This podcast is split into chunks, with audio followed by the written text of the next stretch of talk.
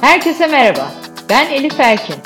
Bundan böyle iyilik sağlık dolu bir yaşam için bilmemiz gerekenler hakkında uzmanlarla bir araya geliyoruz.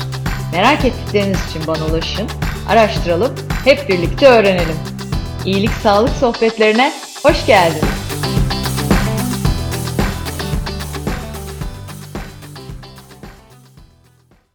İyilik Sağlık Sohbetlerinin yeni bölümüyle karşınızdayım. Bu bölümde konuğum psikolog doktor Gizem Sürenkök. Sevgili Gizem Hanım, iyilik sağlık sohbetlerine hoş geldiniz. Merhabalar Elif Hanım, çok teşekkürler. Burada olmak çok güzel. Bizim için de sizle olmak çok güzel.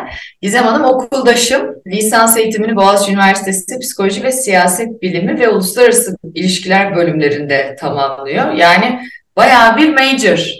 Hem psikoloji, hem siyaset, hem uluslararası ilişkiler. Öyle mi? Tebrik yani, ediyorum. Siyaset bilimi ile uluslararası ilişkiler o, o dönemde birlikteydi. Ee, evet.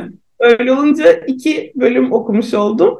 Ee, ama yani her ne kadar siyaset bilimi girişli olsam da psikoloji benim için daha böyle aşkla yaptığım, çok keyif aldığım, sonradan keşfettiğim e, bir şey oldu. E, alan oldu değil alan. mi? Sonrasında Koç Üniversitesi'nde MBA, ee, yine de bir işin business tarafıyla ilgili hala da bir umut vardır. Bir MBA de belki severim gibi bir şey olmuş herhalde. Aynen öyle oldu. Değil mi? Ardından New York Üniversitesi'nde psikoloji yüksek lisansla birlikte sonrasında da gelişim psikolojisi alanında yüksek lisans ve doktora Cornell'den e, Türkiye'ye dönüp yakın ilişkiler platformunu kuruyor.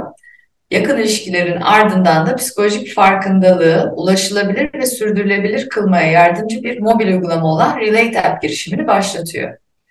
Doktor Süren Kök aynı zamanda kurumsal eğitimler ve bireysel danışmanlıklar da veriyor. Çok yoğun.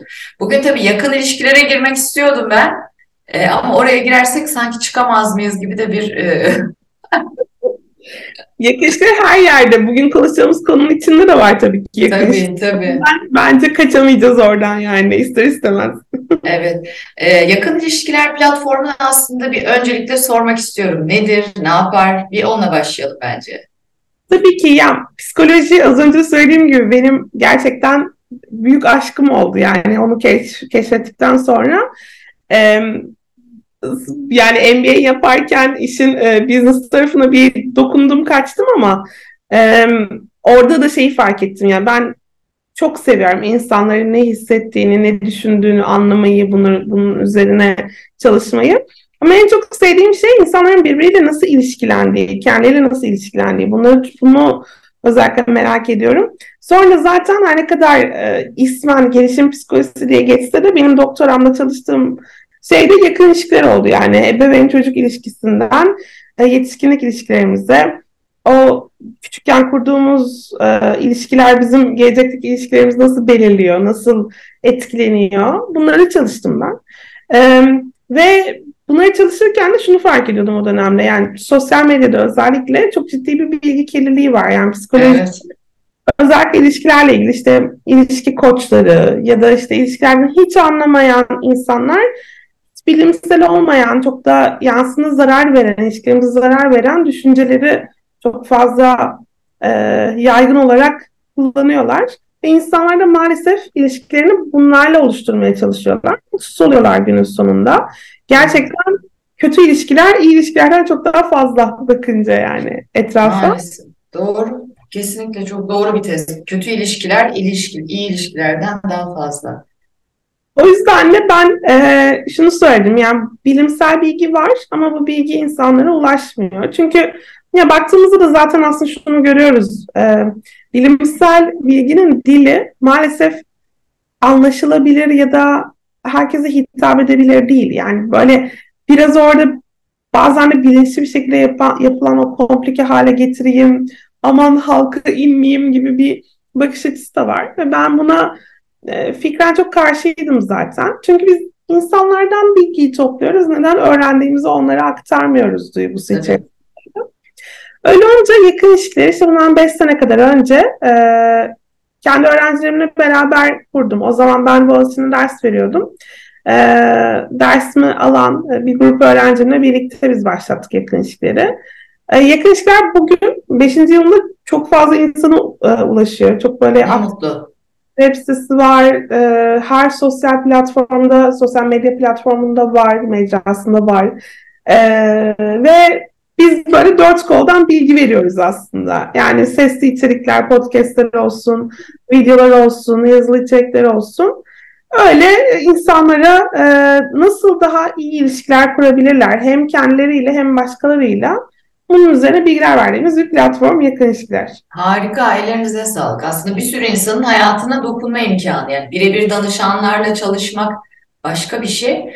Bir de gerçekten bu tip platformlarda doğru bilgi kaynağı olabilmek çok kıymetli. E, çünkü özellikle gençler gördüğü havalı bir e, caption'dan bile etkilenip yanlış bir yolda e, ilişkileri bambaşka bir hale getirebiliyor. Ebeveynler için de çok önemli. Bu arada psikoloji iş hayatı için de çok önemli. Mesela benim de e, ilk hedeflerim arasında psikoloji master'ı yapmak var.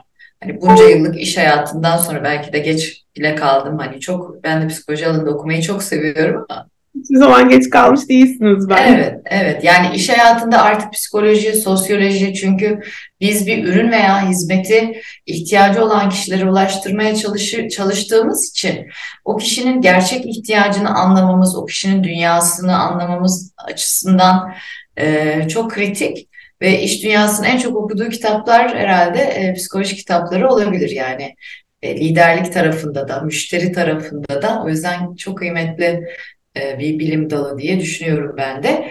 Bugün de e, hani ilişkiler anlamında değil ama kendi adımıza e, yaşadığımız zorlu süreçleri e, ya da değişimleri daha iyi yönetebilmek adına neler yapabiliriz birazcık konuşmak istedik.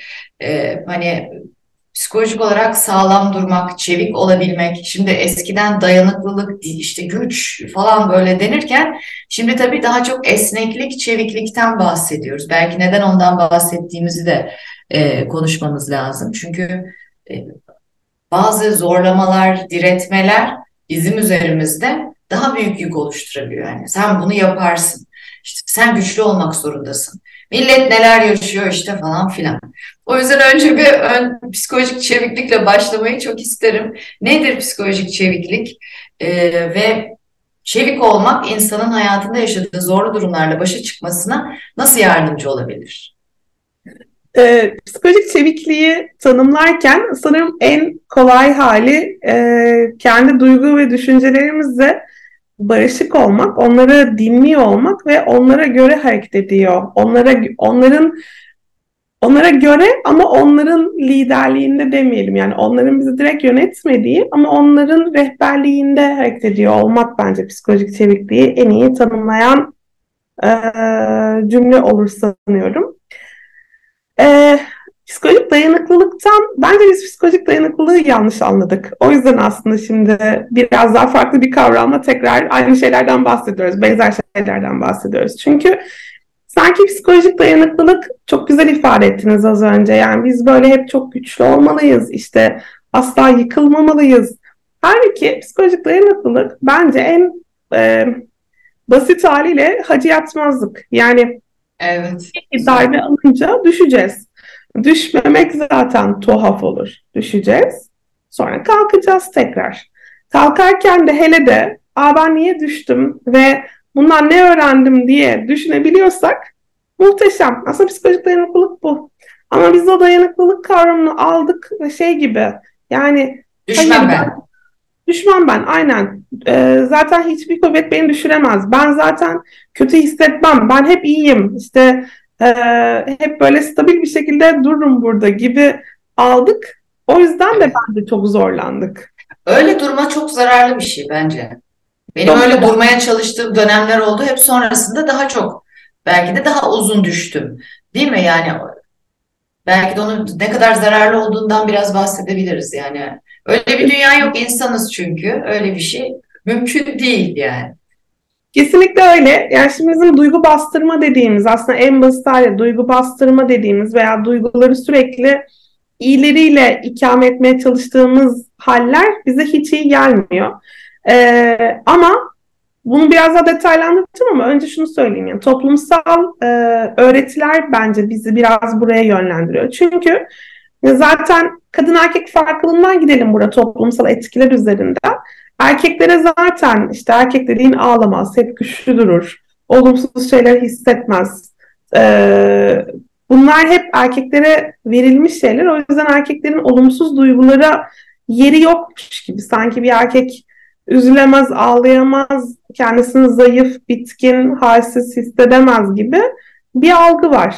Ya da korkamaz. Mesela ben hep şunu düşünürüm. Ee, mesela eşimle arabada giderken zor bir yoldan geçerken onun o yola atılışı, yani araba kullanırken atılışı hep şunu bu adam korkmuyor mu? Halbuki korkuyor ama onu göstermemek gösteremiyor değil mi? Gösteremiyor. Yani halbuki muhtemelen ben o yolda kullanırken ne kadar korkuyorsam o da korkuyor. Çünkü ilk defa bilmediği bir yolda karanlıkta araba kullanıyor. Ama Tabii. göstermiyor. Çünkü öğretilmemiş ona. Benzer şekilde e, kadınlara da özellikle iş hayatındaki kadınlara da sen eğer iş hayatında bir kadın olarak var olacaksan duygulara yer yok. Sen çok güçlü olacaksın, duygularını göstermeyeceksin, zaten hep dik duracaksın. Mesela şunu belki duymuşsunuzdur, yani bir toplantıda bir şey kötü giderken ya da e, bir performans değerlendirmesinde olumsuz bir şey duyarken e, gözlerimin dolmasından çok rahatsız oldum. Ya da işte e, bu, bu ama aslında gözlerimizin dolması bizim yönetebileceğimiz bir şey değil son derece normal bir duygusal tepki aslında üzüldüğümüz an. Tabii ki gözlerimiz doluyor. Ama bir zayıflık göstergesi olarak tanımlanınca hepimiz bunlardan kaçıyoruz sürekli. Ama öyle olunca da o duyguların sürekli bastırıldığı, adının konmadığı, ifade edilmediği, daha da önemlisi hissedilmediği bence o kısmı çok kritik. Yani ben bastırıp hissetmemek mümkün mü? Mümkün tabii ki evet. Bastırıp farkına varmamak diyelim. Yani aslında içeride bir şeyler hissediyoruz ama biz bilinçli olarak bunu hissetmiyoruz. Yani mesela korkuyoruz ama korku diye tanımlamadığımız için onu o şekilde hissetmiyoruz. Ama ne oluyor? Ben şu tanımı yapmayı çok seviyorum. Bir çaydanlık düşünün. Altı har, ateş yanıyor. E şimdi çaydanlığın ağzı kapalıysa ucundan çıkar e, sular. Orayı da kapatın. Patlar. Ya altındaki ateşi kısamıyoruz çünkü hayatın stresi akıp hep devam. sürekli Ne oluyor patlayıp? Bu da önemli bir soru. Ee, mesela kronik hastalıklara dönüşüyor. Mesela sebebi bilinmeyen egzama e, evet. bastırmayla çok ilişkili. Kardiyovasküler bozukluklar, kanser gibi daha tehlikeli hastalıklar. Bunların hepsinin duygu bastırmayla çok yakından ilişkisi var. Çok doğru. E, dermatoloji e, uzmanlarıyla konuştuğumuzda hep şey söylüyorlar zaten. Dermatolojik rahatsızlıkların yüzde sekseni psikolojik. Çünkü vücudu o kadar çok belli konularla ilgili sıkıyoruz, üzüyoruz, dışa vuramıyoruz belki e, vesaire ki vücut kendi atıyor yani bir şeyleri dışarı. Ee, çok tabii çok kötü bir şey. Peki e, nasıl yöneteceğiz? O taraflara doğru gelelim biraz. Yani psikolojik çeviklik bize ne sağlayacak? İşte aslında sizin e, tarifiniz de psikolojik çeviklik, dayanıklılık, esneklik, acı yatmazlık. Yani bir şeyleri hissedeceğiz. Tabii ki modumuz düşecek ya da üzüleceğiz ya da çok üzüleceğiz. Ama tekrar ayağa kalkmak için de bir enerji bulacağız kendimizi ve ben bu süreçte ne öğrendim diyeceğiz. Yapmamız gerekeni anladık. Peki bunu nasıl yapacağız? Yani böyle söylemek kolay da yapmak çok kolay olmuyor her zaman. Kesinlikle öyle. Çok haklısınız. Ya. Önce aslında şunu söyleyelim bence. Bütün duyguların bir işlevi var. Yani biz hiçbir duyguyu boşuna hissetmiyoruz. O böyle hoşumuza gitmeyen duygular var ya kaygılı olmak, korkmak, e, güçsüz hissetmek, e, stresli hissetmek onların hepsi aslında bir anlam içeriyor ve bize bir şey anlatıyor. Diyor ki mesela kaygılı olmak diyor ki sen e, belirsizlikle baş etmeye çalışıyorsun ve o belirsizliği belirsizlik içerisinde kontrolünü kaybetmiş hissediyorsun diyor belki kaygı. Ee, korku diyor ki bir tehdit var ortada ve sen o tehdidi nasıl proses edeceğini bilmiyorsun. Bunun üzerine çalış. Ee, mesela o hiç hoşlanmadığımız e, kalp kırıklığı diye tarif edeyim. Kalp kırıklığı duygusu diyor ki ilişki de o ilişki her türlü ilişki olabilir. İlişkide bir sıkıntı var. Bu ilişkiyi düzelt. Yani bu yöneticinle kurduğun ilişkide olabilir. Partnerinle olan ilişkinde olabilir. Hiç fark etmez. Burayı hallet. Ee, veya mesela o e, bizim şey diye tanımladığımız böyle köşeye sıkışmışlık, e, daralmışlık, bunalmışlık hissi mesela bize diyor ki sınırların ihlal oluyor şu anda. Bir şey var yani kendi alanı koruyamıyorsun. Orayı korumak için harekete geç çünkü bir şeyler var. Aslında bütün duyguların bir işlevi var. Şimdi biz bu duyguları hissetmemeye çalıştığımızda bize verdikleri sinyalleri duyamıyoruz. Evet. Şimdi nasıl yapacağız dediğimiz zaman aslında önce biraz duygularımıza kulak verme kısmı var. Yani ben gizem olarak bir sürü duyguya sahibim ve bu duyguların varlığının hiçbir sakıncası yok. O duygular iyi ki varlar. Bir kere zaten onu söylemek aslında.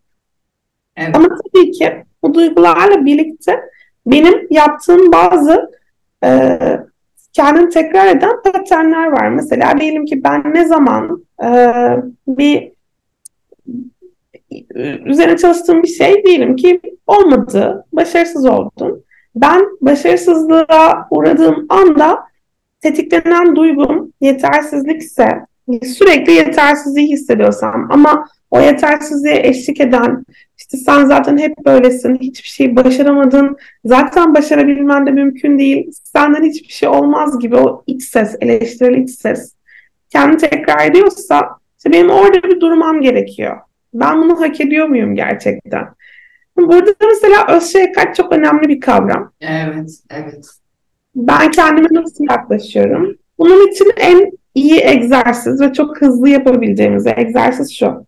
Sizin içinde bulunduğunuz birebir aynı durumda en yakın arkadaşınız olsa ya da arkadaşı hayal etmek güçse çocuğunuz olsa, kardeşiniz olsa aynı şeyleri mi söylersiniz? Yani şunu mu dersiniz? Ya tabii ki sen de beceriksizin tekisin. Tabii ki böyle olacaktı. Ne bekliyorsun ki mi dersiniz? Yoksa ya Elif'ciğim olur mu hiç öyle şey? Sen çok uğraştın, başaramadın. Ama yani bir daha denersin. Ben senin yanındayım mı dersiniz? Evet, yani süper. Farkı çok değiştiriyor değil mi? Evet süper egzersiz yani. Ben bunu kendime uygularım yani. Şimdi çok e, çok önemli bir şeyler söylediniz aslında. Şimdi bir kere hissetmemeye çalıştığımız zaman yani her şey zaten hani şimdi bizim e, konseptimiz de iyilik, sağlık ya kendi iyiliğimiz ve hem fiziksel hem ruhsal hem sosyal sağlığımız için neler yapabiliriz de arıyoruz, öğreniyoruz, merak ettiklerimizi soruyoruz bu podcast'te. Şimdi ve her gelen konu mutlaka farkında olmak e, ifadesini kullanıyor sizin de kullandığınız gibi. Şimdi burada da duyguları konuşuyoruz. Hani ben onu hissetmeyeyim, hayır ben güçlüyüm, ben e, çökemem ya da e, hani farklı duygularda da bastırmak yerine ona bir farkına varmak okey. Ama şimdi orada bir adım daha gitmek de lazım yani kendini dinlemek. Bir de üstüne bu duygu ne söylüyor? Buna kimse zaman ayırmıyor. Ayıramıyoruz yani. Aslında bir dursa ya bir dakika ben tam olarak ne hissediyorum desek şu an ben terapiye geçtim kendi kendime. terapi yapıyorum kendi kendime şu an. Bir desek dursak aslında o sinyali çözsek belki o sinyali çözünce ya bir dakika diyeceğiz. Oradan işte belki çocuğum bu durumda olsa ne derdimle biraz daha şefkati kendimize göstererek kendimizi anlamaya çalışacağız. Bir de paternler dediniz onu sormak istiyorum. Bu paternler, şemalar ne deniyorsa ismine tekrarlayan hisler ve davranışlar çok var gerçekten. Yani iş hayatında da çok bunu görüyoruz. İşte kaçınmacılık oluyor, kimi zaman küsmeler olabiliyor. İkili ilişkilerde de e, benzer şeyler oluyor. Bir de bu yakın ilişkilerde ya da şöyle söyleyeyim. Mesela ben etrafımda bunu da çok görüyorum. Bir ilişki bitti ve kötü bitti. Ve bir sonraki ilişki aynı adam. Yani aynı adam değil ama aynı adam. Bir sonraki ilişki yine aynı ilişki, yine aynı adam. Yani bu kadar problemle ve seni üzerek biten bir ilişkiden sonra niye bu kadar ayrıldığın adama benzeyen bir adamla berabersin? Bu paternleri ne yapacağız? Bunlar da çok var yani. Öyle gerçekten ama bunun bir sebebi var aslında. Ee, yani bizim özellikle çocukluğumuzda hani böyle illa sadece şimdi ben onu böyle anlattığımda herkese merhaba. Ben çocukluğumu hatırlamıyorum bile işte her şey çocukluktan geliyor. Evet ama yani çocuklukta öğren çocuklukta beyin gelişimi en hızlı olduğu nokta olduğu için beyin gelişiminin ve orada öğrendiğimiz şeyler çok iç içe girip bizim aslında kendi kimliğimizi tanımamıza yol açtığı için oraları anlayabilmek çok önemli. Ee, tabii ki her şey çocuklukta bitmiyor. Mesela çok iyi bir ailede büyüyoruz ama sonra zorbalığa uğruyoruz. İlkokulda, ortaokulda, lisede bunlar da çok etkili. Özdeğer kavramı ile ilgili. Ben değerli bir insan mıyım? Sevilesi bir insan mıyım? Buraları çok belirliyor. Şimdi bu çocuklukta edindiğimiz şemalar diyelim kolay olması adına Aha. sürekli kendimi tekrar ediyor. Çok basit bir şey gözümüzde canlansın diye anlatayım. Biz belli deneyimler yaşıyoruz. O deneyimler e, bizim belli düşünceler geliştirmemize sebep oluyor. O düşünceler de beklentilere yol açıyor. Yani hani ben belli deneyimler yaşadım.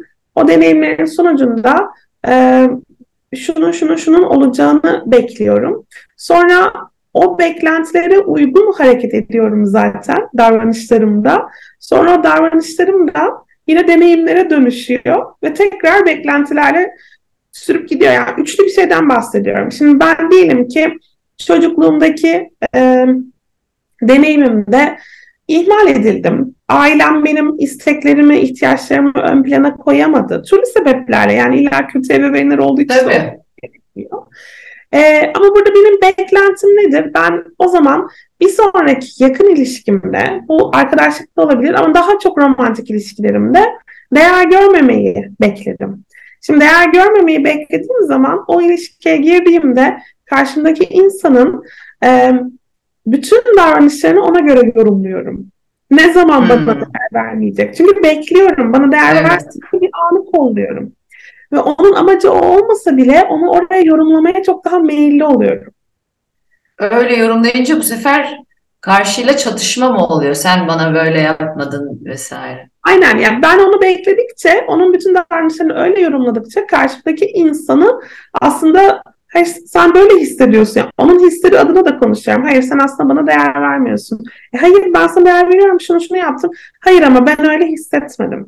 Şimdi artık öyle bir çatışmaya zorluyoruz ki o insanları belli bir noktada. Gerçekten o insanların bize verdikleri değer, sevgi, zarar görüyor. Bu sefer de diyoruz ki ha biliyordum zaten yani tabii ki. Söylemiştim. Ben söylemiştim bunu. Aynı şeyi yaşıyoruz. Yani buna biz psikolojide kendini gerçekleştiren kehanet Kehan yani zaten öyle bekliyorum öyle oluyor. Şimdi de bahsettiğiniz az önce bir ilişkiden çıkıp benzerine girmek, benzerine girmek. Yani evet. şey karanlıkta da olsa yolumu nasıl bulma, bulacağımı biliyorsam o yolu hep tercih ederim. O yüzden hani o ilişki çok iyi gitmeyecekse bile biliyorsam o paterni orada kalmak bana daha konforlu geliyor maalesef. Çünkü evet enteresan huzurlu ve sakin bir ilişki mesela kaotik bir ilişkiye göre daha zorlayabiliyor bazılarımızı. Çünkü alışkın değiller. Mesela tartışmadan, yargılanmadan, olduğum gibi var olabileceğim bir ilişkinin olamayacağını düşünüyorum zaten. Ya da onun içindeyken de sıkılıyorum. Sıkılıyor. Çok, çok huzurlu bu deyip evet. ilişkiler insanlar da var. E peki bu e, hocam ilacı var mı?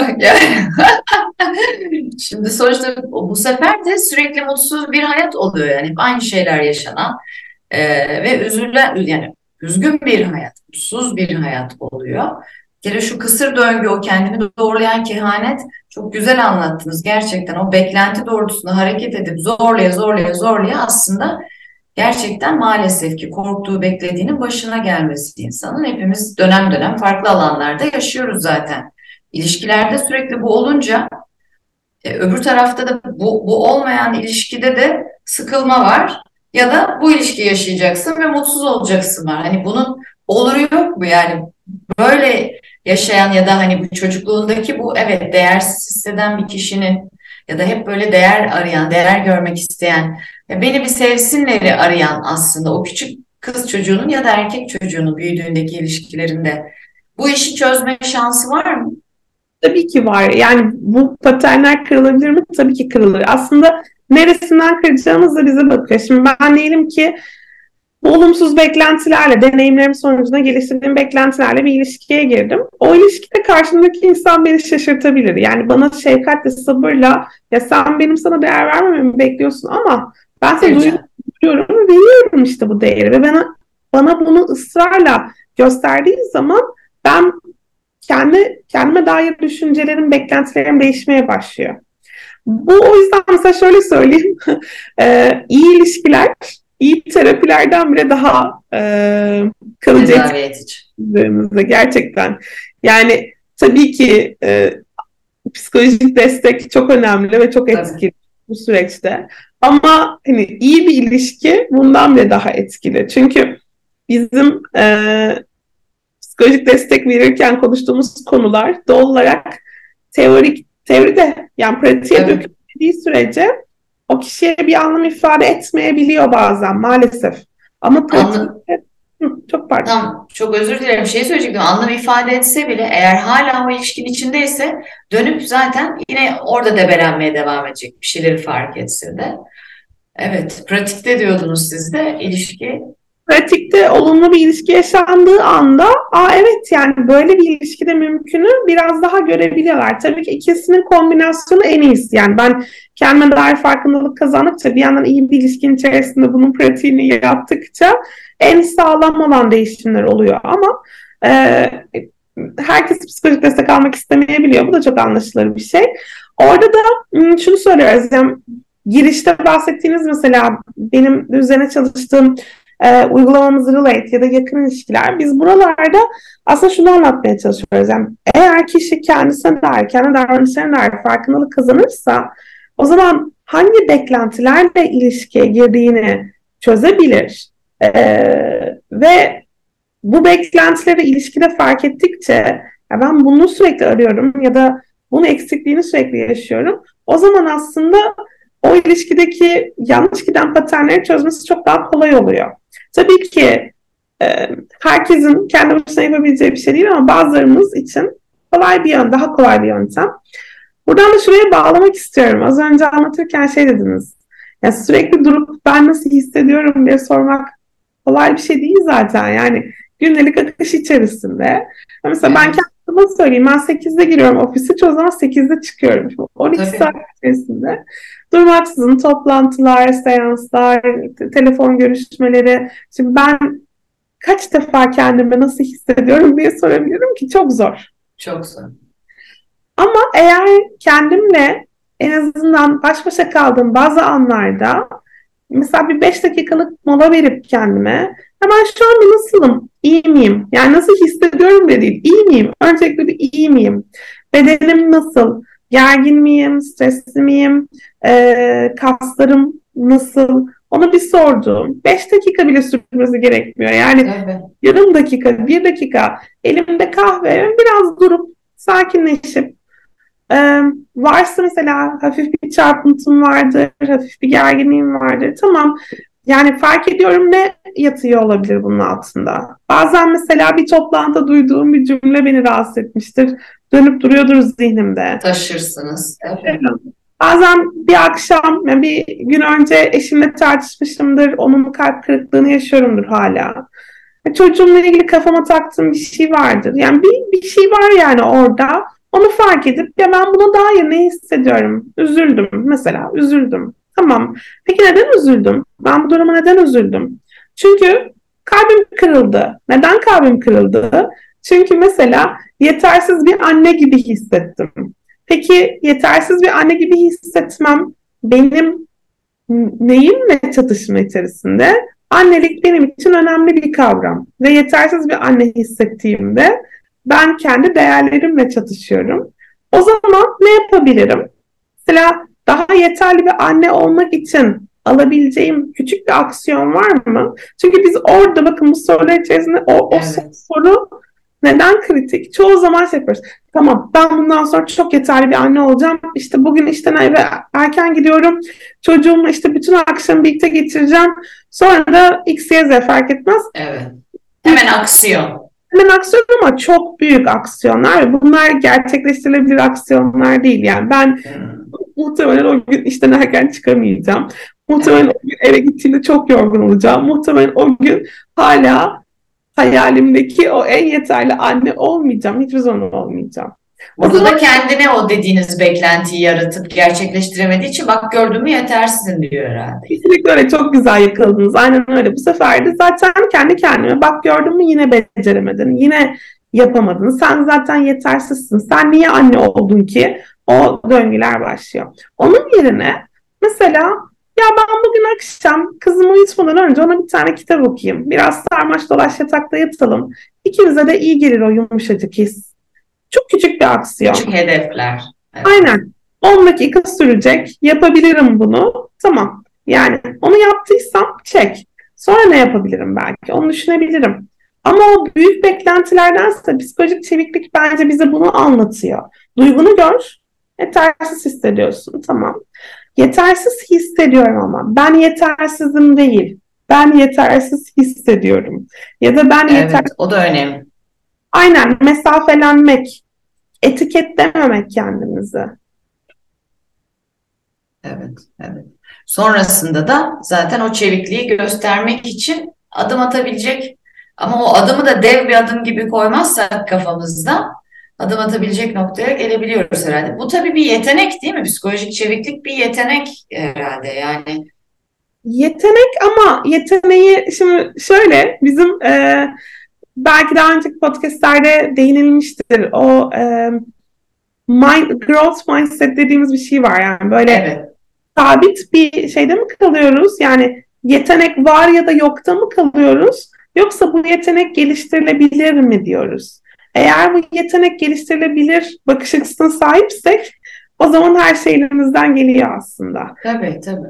O yüzden bu yeteneğe de ben yetenek değil de beceri demeyi daha çok tercih ediyorum. Hmm. Ve oradan da şunu söyleyeceğim. Bunu bir kas gibi görelim. Yani ben bunun üzerine pratik yaparsam bu kasım gelişir. Eğer ben bugün psikolojik olarak çevik değilsem, duygularımı çok bastırıyorsam, kendime çok büyük hedefler koyup başarısızlığa uğruyorsam o zaman Aa, tamam bitti demek ki bende psikolojik çeviklik yok deyip bırakmayıp Mesela bugünkü podcast'ı, bugün bu e, kaydettiğimiz podcast'ı dinleyen dinleyici. Yani bunu hemen başlayabilirsiniz aslında çok küçük bir şekilde. Kendinize evet ben nasıl hissediyorum diye sorabilirsiniz. Ya da o soruda zorlanıyorsanız kocaman bir aksiyon aldığınızda ya bu aksiyonu benim yapmam zor. Ben daha küçük bir hedefle başlayayım diyebilirsiniz. Ve böylece böylece hani bu hedefler gerçekleştikçe aa tamam yani bu oldu bir sonraki adımı deneyeyim demek çok daha kolay. İnsanı da cesaretlendiriyor gerçekten o anlamda. Çok güzel yani aslında her şey Herkese soruyoruz etrafımızdaki. Herkesin nasıl olduğuyla ilgileniyoruz. E, kendimize de bir durup e, nasıl hissediyorum demek. Ondan sonra yazdım hepsini vallahi. Nasıl hissediyorum? Neden böyle hissediyorum? Bir de şeyi söylediniz o da çok doğru. Ben yetersizim değil de ben yetersiz hissediyorum dediğiniz zaman sanki değişebilecek bir şeymiş gibi. Hani o yetersizlik duygusu. Ben yetersizim dediğimde kendi kendime e, bu sefer sanki bu ben buyum yani bu. bu değişmez gibi de bir algı yaratıyor. Yani sözler aslında çok e, etkili dediğiniz e, nasıl düşündüğümüzde sonrasında da belki nasıl davrandığımızda bir de evet yetenekten daha benim de hoşuma gitti beceri demek psikolojik çeviklik anlamında ve bunun bir kas işi olması işte stresli durumlarda karşılaştığımızda e, kriz anında bunu nasıl yönettiğimizi kendi kendimizi gözlemleyip belki bir sonraki seferde herhalde e, bunu daha da geliştirme imkanımız olduğunu bilmek bile iyi hissettiren bir şey. Yani. Buna isterseniz çok bambaşka bir yerden bir örnek verelim. Mesela e, hep psikolojik bir yani hislerimizden gittik. Mesela kilo vermek gibi yani böyle bir motivasyon hani bir hedef üzerinden gidelim istersiniz. Yani ben e, ben kilolu bir insanım ve hiç kilo veremem düşüncesi bizi mesela çok daha sıkıştıran bir şey. Onun yerine ben bu aralar kilo aldığımı düşünüyorum veya ben biraz kilo vermem gerektiğini düşünüyorum. Ya da ben daha sağlıklı yaşamak istediğimi düşünüyorum. Artık orada neyse hedefiniz. Ee, ve bunu neden istiyorum? Çünkü ben daha sağlıklı bir ömür yaşamak istiyorum. Ben çocuğuma daha fazla vakit geçirmek istiyorum ya da neyse yani e, kendi değerli motivasyon. motivasyonumuz. Sonra bunu fark ettikten sonra e, hemen şey değil. Tamam o zaman bugün itibariyle bütün karbonhidratları bırakıyorum ve işte e, her gün iki saat spor yapıyorum gibi kocaman bir yere evrilmeden ya tamam o zaman ben artık akşam yemeklerini mesela biraz daha erkene çekeyim. Bakayım bu bunu nasıl yapabileceğim? Ya da birazcık daha fazla akşam yemeklerinde salata salata yemeye çalışayım. Yani daha küçük bir hedef. Bütün öğünlerimi bir anda değiştiremeyebilirim çünkü. Tabii tabii. Bu zor. Daha küçük bir yerden başlayayım. Aa tamam bu oldu. O zaman üzerine bir şey daha ekleyeyim.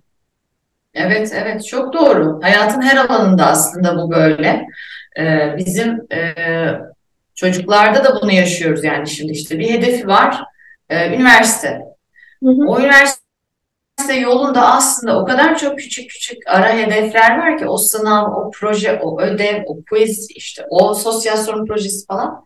Ama o gözünü sadece o hedefe dikip ben nasıl yapacağımı düşündüğünde bu sefer onu düşünmekten aslında bu önündekini e, ilk sınavına yeterince hazırlanamamış oluyor ya da kaygıdan dolayı hazırlansa da e, kötü geçmiş oluyor. Kilo verme konusu da dediğiniz gibi tam olarak öyle. Bazen de biz şeyi de görüyoruz şimdi e, üyelerimize yani kendini çok zorluyor. Üç gün böyle bir şok diyet yapıyor. Yani zaten dördüncü günden itibaren e, yani kilo vermeye başlamadan evvelkinden daha fazla bir kiloya gidiyor. Ama işte sırrı bence e, kocaman hedeflere hayır demek yani. Orada kendinle e, konuşup hep öz farkındalıktan da bahsettik. E, psikolojik çeviklikte aslında kilit noktalardan biri değil mi? Öz farkındalık yani kendini bir tam olarak anladığın zaman ya yapma Elif yani şimdi sen diyorsun e, akşamları yemeyeyim de Canın isteyecek biliyoruz. Yemeyeceksin yemeyeceksin. Gece 10'da dolabı açacaksın bu sefer. Gel daha erken ye. Gel işte beni küçült. Neyse Hı-hı. değil mi? Yani öz farkındalık ve psikolojik çeviklik ilişkisini belki bir, bir daha bir altını çizmek güzel olabilir.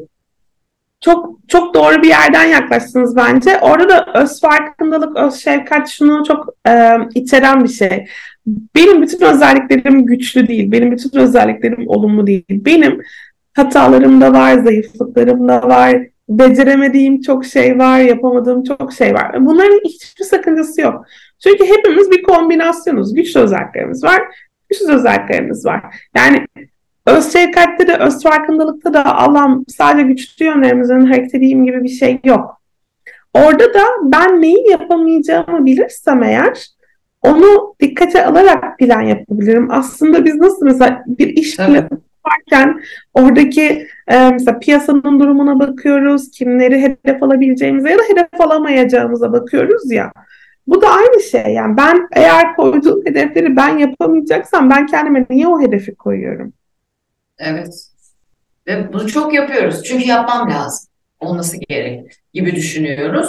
Bu sefer en baştan işte o ilk başta konuştuğumuz kendini doğrulayan kehanet e, döngüsünde bulabiliyoruz kendimizi yani. Olmaz ama bunu da böyle yapmam lazım artık tamam falan. E, yapamayacaksın, yapamıyorsun. Bak gördün mü ben böyleyim.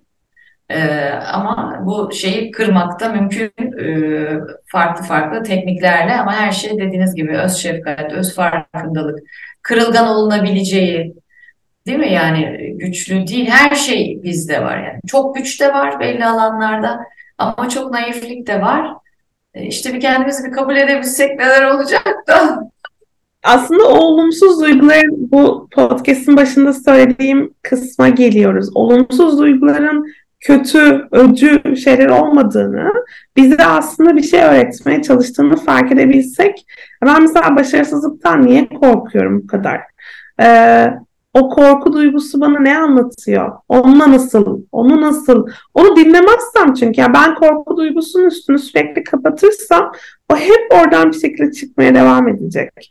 Onun yerine geç otur karşıma bir konuşalım yani. Senin derdin ne diyebilmek. Ben bazen duyguları tanımlarken misafir tanımını çok kullanıyorum. Ee, çünkü mesela şöyle anlatayım size. Kaygılı bir insansanız e, kaygısız bir insana dönüşemezsiniz. Yani 180 derece bütün kaygılarınızı Oh, değil mi? Rahat ol. Dönüşemezsiniz. Bu sizin doğanıza aykırı. Siz kaygılı bir insan olup kaygınızı iyi yönetmeyi öğrenebilirsiniz. Ama o zaman da şu oluyor. Kaygı geldiği zaman şunu söylüyorsun. Aa ben biliyorum seni zaten yani bu tanıdık bir duygu. E, geç otur. Hani uzun sürmeyecek misafirliği. Hem biraz otur. E, ye iç neyse ne yapacak. Ondan sonra git kalma. Kalmayacağını biliyorum. Sen kalıcı değilsin. Sen sadece misafirsin. Yani o duyguya o muameleyi yaptığınız zaman gideceğini bildiğimiz bir misafir muamelesi yaptığınız zaman karga geliyor. Biraz takılıyor ve gidiyor. Çünkü aslında duygular o kadar kalıcı şeyler değiller. Duygular çok geçici. Ama biz bazen onlara böyle tutunuyoruz ve bırakmıyoruz onları. Aslında. Duymadığımızda da onlar böyle o şey, bilgisayarın altta ikonları zıplar ya hani beni gör burada evet. bir şey. Onlar gibi zıplıyor sürekli. Onun yerine gel kardeşim açıl ne istiyorsun benden sen sen ne yapmam lazım? Niye tamam, buradasın ya, değil mi? Niye buradasın? Aynen. Ve ben seninle nasıl başa çıkabileceğimi biliyorum. Aslında o tanıdık duygu. Eğer duygularımla konuşursam hangilerinin tanıdık olduğunu, hangileriyle nasıl başa çıkabileceğimi aslında çok daha çabuk öğrenip ilerlerim. Evet tabii. Bir de biz sürekli kendi yani sürekli tabii mümkün değil ama işte o kendimize hep nasıl hissediyorum ya da gelen duygu e, pattern'ını yakaladığımızda aslında anca öğrenebiliriz. Yani evet daha önce de böyle hissettim. O zaman ne yapmıştım? Şunu yapmıştım aslında bana iyi hissettirmişti. Dur yine onu yapayım belki. Çözüme adım atabilme değil mi? Korkuyorum deyip kendimizi kapatıp karalar bağlayıp ya da üzgünüm deyip mutsuzum deyip. Çünkü dedikçe o işin içinden çıkamıyoruz. Biz peki şimdi burada başka bir şey Böyle hisseden çevremizdeki insanları da mesela ben bundan sonra hani arkadaşlarımla ya da kendim böyle hissettiğimde zaten bu tekniği uygulamaya çalışacağım. Arkadaşlarımla e, böyle hisseden bir arkadaşım gördüğüm zaman da bunlardan bahsedeceğim ama biz nasıl fayda sağlayabiliriz? Hani eşimize, dostumuza, ekibimize, e, hani birlikte çalıştığımız takım arkadaşlarımıza. Yani bu e, hem psikolojik çeviklik aslında biraz da duyguları fark etme e, negatif olan duyguları, bizi üzen, aşağı çeken duyguları bir şekilde nasıl yönetebiliriz de bakma ve hayatımızı daha iyi bir noktaya taşıma, daha çözüm noktasına taşıma gibi de tanımlamış olduk yani e, konuşmanın başından bu yana. Hani biz kendimiz için nasıl kullanırız? Çevremizde hem özel hayatımızda, iş hayatımızda, arkadaşımız, çocuğumuz nasıl yardımcı olmak için kullanabiliriz? Ee, bence en kritik olan aşama karşımızdaki insan olumsuz bir duygu içerisindeyse ona geçer ya da of bunda da büyütülecek bir şey mi var? Ya sen de bunu mu takıyorsun kafana? Ya da bu kadar güçsüz müsün sen böyle bir durum karşısında böyle hissediyorsun gibi şeyler söylememek gerçekten ilk adım. Çocuklarımızdan başlayarak çünkü biz çocuklarımıza da olumsuz duyguların kötü şeyler olduğunu istemeden öğretebiliyoruz. Yani ay bunda ağlanacak ne var kızım? Hadi kalk sil gözyaşını. Oğlum sen e, erkek değmez. değmez, değmez aynen. E, ay geçer bunlar bunu mu bunu mu e, taktın kafana? Bir oyuncak için ağlanır mı? İşte bir dondurma için üzülünür mü? E ama üzülür yani çünkü dondurma yiyemiyorsun. İşte yani onun yerine oturup yani illa böyle çok mekanik konuşmalar olması gerekmiyor. Şimdi örnek vereceğim ama yani böyle evet. şekilde olması gerekmiyor. Çok daha akışkan aslında. Yani e, tatlım anlıyorum senin dondurma yiyemediğin için üzüldüğünü ama bugün onu programımıza sığdıramıyoruz. E, ama tabii ki yani üzülmek de hakkın. Ben de yiyemediğim için üzülüyorum. Ama yarın telafi ederiz bir şekilde. Yani çocuğun da şey görmeye çok ihtiyacı var.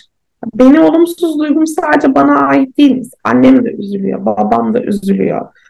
Annem de evet. korkuyor, babam da korkuyor. O eşim araba kullanırken nasıl korkmuyor? Diyorum ya mesela bana dese ki o anda ya Gizem biliyor musun şu anda ödüm patlıyor. Evet. Ama kullanıyorum bu arabayı. Çünkü o beni bir sonraki sefer ben o yolda eğer yalnız başıma kullanıyorsam şey diyebilirim. Ya şimdi bu yolda korktu ama gayet güzel halletti. Demek ki ben de yapabilirim deme şansım olur. Faydası daha da fazla olacak aslında. Doğru. Çünkü e, yanlış bir varsayım üstünden hem kendinizi daha kötü hissediyorsunuz. Ya o korkmuyor. Bir kere ben korkan, korkmuş hissediyorum da değil. Korkağım ben. Hayat boyu. Evet aslında ufacık bir şey, ufacık bir davranış ilişkilerimizde de karşı tarafa e, belki keşmekeşten bazen de hızlıca geçiyoruz da işte az önceki dondurma örneği. Ya vaktimiz yok işte bilmem nereye yetişmemiz lazım. Tamam bunda ne var üzülecek sonra alırız değil de e, çok haklısın canım. E, söz sana telafi edeceğim. E, biliyorum üzüldüğünü ama hiç vaktimiz yok. Aslında aynı zamanı bize e, verir, yani harcatacak ya da kullandırtacak. Ama karşımızdakindeki yarattığı his bambaşka olacak. Çok zor. Çok zor, çok kolay. Yani çok şimdi çok kolay. Aynen, evet. Yani şimdi çocukları olan bir anne olarak e, hep şeyden korkuyorum. Yani yanlış e, mesela benim de korkularımdan biri o. Hani çocukluk dönemlerinde sonra görüyoruz yetişkinlerde çocukluk döneminde yaşandığı için ne, ne insanlarla karşılaşıyoruz. Hani yanlış bir söz, bir şeyi onda bir iz bırakması, olumsuz bir iz ve sonra böyle yetişkinliğinde annem de zaten şunu yaptı o günden beri ben daha iflah olmadım falan diyecek diye. Ee, o yüzden gerçekten çok önemli bir alan yani. İlişki yönetimi de öyle. Öyle Demeyeceğiz dedik ama ha habire yakın ilişkilerdeyiz yani. Evet çünkü çok içinde gerçekten yani ayırt etmek çok zor. Burada da şey örneğini de vereyim. Mesela aslında bunu hem romantik ilişkilerimizde hem de iş ilişkisinde çok kullanabileceğimiz bir şey. Yani mesela diyelim ki şirketçe biz belirsiz bir dönemden geçiyoruz. Şimdi orada bazen e, yöneticilerin hiçbir şey yokmuş gibi davranması, o belirsizliği çalışanlarına yansıtmaması, e, çalışanlarda şey duygusu uyandırabiliyor. Ya bunu bir tek ben mi hissediyorum? Tek ben mi kaygılıyım? Ya, hani o zaman bende bu tuhaflık var. Duygusunu uyandırabiliyor. Halbuki yöneticiler de şunu söyleyebilseler ya evet belirsiz bir dönemden geçiyoruz. Bu bizde de kaygı uyandırıyor. Ama bununla ilgili elimizden gelen her şeyi yapıyoruz. Şimdi bu benim için daha güven, bana daha güvenli hissettiren bir şey. Tamam ben biliyorum onlarla aynı duygudayım. Ama onlar daha sürece daha hakimler ve uğraşıyorlar. Şimdi benden çok farklı hislere sahip olduklarını düşünüyorsam o zaman yeterince uğraştıklarına inanmayabiliyorum. Aynı şey romantik ilişkimizde de yani mesela diyelim ki zor bir süreçten geçiyoruz ilişki ilişkide. Ama ben eşimin o süreçle ilgili hissettiği şeye hakim değilim, bilmiyorum, göstermiyor bana. O zaman kendimi çok yalnız hissediyorum orada. Görülmemiş hissediyorum, anlaşılmamış hissediyorum. Belki bilsem ki duygudaşlık yapıyoruz biz. Ama o farklı türlü gösteriyor ya da yaşıyor. Ben farklı türlü yaşıyorum. O kısmı önemli değil ama duyguda ortağız. O Tabii. çok ve belki o konuşulabilse işte bu samimiyetle, bu sorularla, bu başlangıçla her şey iletişimde gizli tabii yani. Konuşulabilse belki bambaşka kutular açılacak, içinden bir şeyler çıkacak ve belki de bir çözüme ulaşılacak. Ben de mesela daha küçük yaşlardayken daha prototip insanlardandım diyeyim. Yani nasıl bir şeye üzüldüm arkadaşımla ilgili bana yaptığı e, bir davranışa. Hayatta söylemiyordum mesela. Kendimi kapatıyordum. Hani o tipik e, kız tiplemesi var ya internette de. Canım söyledikten sonra ne anlamı var? Yani niye anlamı olmasın? İşte sen söyledikten sonra zaten o davranışını değiştiriyorsa ya da açıklıyorsa sana kendine sana değer veriyor ve hani çözmüş olacaksın. Belki de farkında bile değil yaptığını. Şimdi şimdi tabii insan büyüdükçe büyüdükçe e, aslında üstüne gitmenin, konuşmanın e, gerçekten çözüm e, olduğunu görüyor. Hani küsüp kapanmak ya da böyle reaktif tepki vermektense önce kendimizi dinleyeceğiz. Ben buradan aldığım notların başında da o var. Yani artık hani bir kendimize 5 dakika bile e, yeterli, doğru. Her gün yapmak da gerekmiyor. Belli durumlarda anlık da tepki vermeden önce ya bir dakika, bir dakika ben şimdi niye böyle hissediyorum diyebilmek gerçekten çok ben fark yaratacağını düşünüyorum. Ben daha fazla kendime soracağım. Nasılsın, iyi misin? Ee, ne var ne yok ee, diyeceğim inşallah cevapta iyilik sağlık olacak. Ee, Valla e, başka böyle psikolojik çevikliğimizi geliştirmek için yapabileceğimiz şeyler hani bu iletişim ve iletişimde de bu yolu aslında defalarca deneyerek ve e, kullanarak o kasımızı geliştirebileceğimizden bahsettik. Başka böyle e, söyleyeceğiniz bir şey olur mu? Daha psikolojik olarak çevik olabilmek, esnek olabilmemiz için. Ee, aslında bence çok güzel tanımadınız yani duygularımızın farkına varmak, duygularımızı, düşüncelerimizi aramıza mesafe koymak. Ee, ben ne, hayatta nerede olmak istiyorum, nasıl bir yerde olmak istiyorum, benim için önemli olan şeyler neleri ara ara kendimize sormak ve buna göre kalibre etmek aslında hayatımızın gidişatını. O da çok önemli. Ee, ve son olarak o e, ne istiyorumla ne oluyor arasındaki uçurumu uç, inşallah uçurum yoktur ama yani o farklılıkları gördükçe e, ben hangi küçük aksiyonlarla ilerleyebilirim bunu sormak aslında psikolojik çevikliğin dört adımı yani asıl e, kavramın dört adımı bu. Biz bugün daha da detaylandırdık onu duygularımızı nasıl fark edebiliriz, evet. o duyguları fark ettiğimizde kendimize nasıl nazik davranabiliriz, e, neden duygularımızı fark etmeliyiz? Başka insanların duygularını fark ettiğimizde ne yapabiliriz? Şunu söyleyebilirim aslında. E, duygusal zeka, şimdi bu kavram duygusal zeka da çok ilişkili. E, duyguları fark etmek, başkasının duygularını da fark edebilmek, ona göre hareket edebilmek. E, empati yeteneği tabii burada çok kıymetli bir kavram. Empati yeteneğini geliştirebilmek için ne yapabilirim soralım. Çok hızlıca istersen son olarak ona. Tabii tabii. Hem aslında empati en çok konfor alanından çıkınca geliştiriliyor. Yani ben çok iyi bilmediğim, her zaman diyaloğa girmediğim insanlarla diyaloğa girdiğimde farklı duyguların ve farklı deneyimlerin de varlığını öğrenebiliyorum. Ben bunun eğitimini verirken e, hep şu örnekten giderim. Çok kolay geliyor bana çünkü. En son mesela e, market alışverişine gittiğinizde kasada ne yaptınız diye soruyorum. Yani ço çoğumuz çünkü genelde yorgun bir günün sonunda ya da bir koşuşturmanın içerisinde markete giriyoruz, alışverişimizi yapıyoruz, kasaya o ürünleri koyuyoruz, kasiyerle göz teması bile kurmuyoruz, e, kartımızı okutuyoruz ve geçip hayatımıza devam ediyoruz, çıkıyoruz. Eğer bir dakika durup hani kasiyerle teması kurup nasılsınız bugün iyi misiniz sorusunu sorarsanız o insanın yüzünün nasıl ışıldadığını göreceksiniz. Ve çok fark ediyor. O insan için de çok fark ediyor, sizin için de çok fark ediyor. Çünkü bambaşka bir deneyim. Ya bugün çok mu yoruldunuz? Yoğun muydu bugün market? Ee, ya da bitmesine az kaldı mı mesainizin dinlenebilecek misiniz bari? Çok küçük bir şey. Ama çok şey değiştiriyor. Yani bizim etrafımızda bir sürü insan var. O insanlarla küçük küçük etkileşimler empati yeteneğimizi çok besliyor aslında. Hmm, evet. Doğru. Nasıl bir de yani başka kapılar açıyor. Başka hayatlara bir anda e, göz atıyoruz, girip evet. çıkıyoruz gibi de oluyor. Tabii.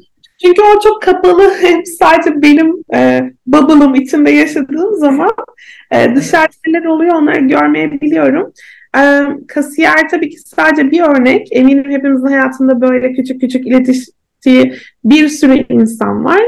E, irili ufaklı. E, bu empati yeteneğine çok iyi gelen bir şeydir. E, ya da böyle çok daha küçük, mesela özür dilerim demek, pardon demek, kusura bakmayın demek, merhaba demek, iyi günler demek. Yani böyle çok daha basit mesela apartmandan çıkarken apartman görevlinize, sitedeki güvenlik görevlisine ha, iyi günler diyor musunuz? Günaydın diyor musunuz? Kolay gelsin bugün diyor musunuz? Basit, çok basit şeyler. Ama Bunlar e, bizim o ihtiyacımız olan e, küçük etkileşimleri sağlıyor. Mesela pandemi döneminde hepimiz evde kapalıyken eksikliğini çektiğimiz çok önemli bir şeydi bu. Ve farkında bile değildik aslında neyin eksikliğini çekiyoruz. Bu çok kritiktir. Kahve almaya gittiniz. Kahvenizi hazırlayan insana diyor musunuz? Elinize sağlık. Bu kadar aslında küçücük şeyler ama o küçük etkileşimler de hep o küçük hayatlar yani küçük farklı hayatlara gir çıklar. Ee, bir anda bir dakika ya bir sürü bir, bir şeyler oluyor yani tek bende değil mi? Belki gösteriyor o sayede de empati yeteneğini de geliştirmeye katkı Yok. sağlıyor. Süper. Valla harika. Ee, susmayabilirim. Ee, sorularımı e, sordukça aklıma geliyor ama bence psikolojik içerikliği çok güzel e, konuşmuş olduk. Çok güzel anlattınız, e, öğrettiniz diyeceğim ben bir sürü şey e, kendi adıma en azından. Umuyorum ki dinleyenlere de faydamız olmuştur. Son soruya sıra geldi. Bu soruyu e, tüm e, podcast katılımcılara, konuklarıma sormayı çok seviyorum. E, çünkü bu sorunun cevabı da çok şey öğretiyor aslında. E, sizin iyilik sağlık rutinleriniz neler?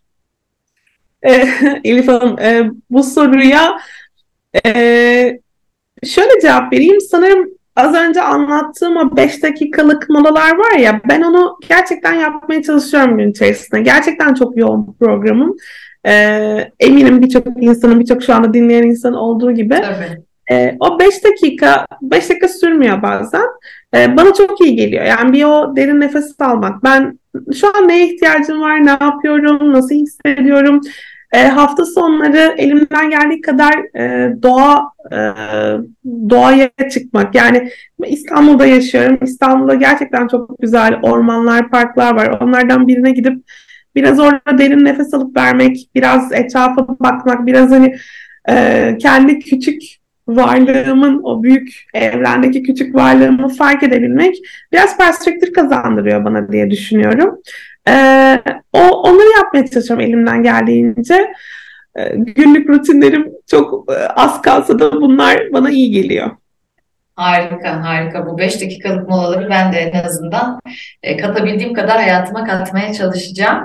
İyi ki geldiniz. E, yine gelin. Ee, ilk fırsatta görüşelim. Çok teşekkür ediyorum bugünkü sohbet için.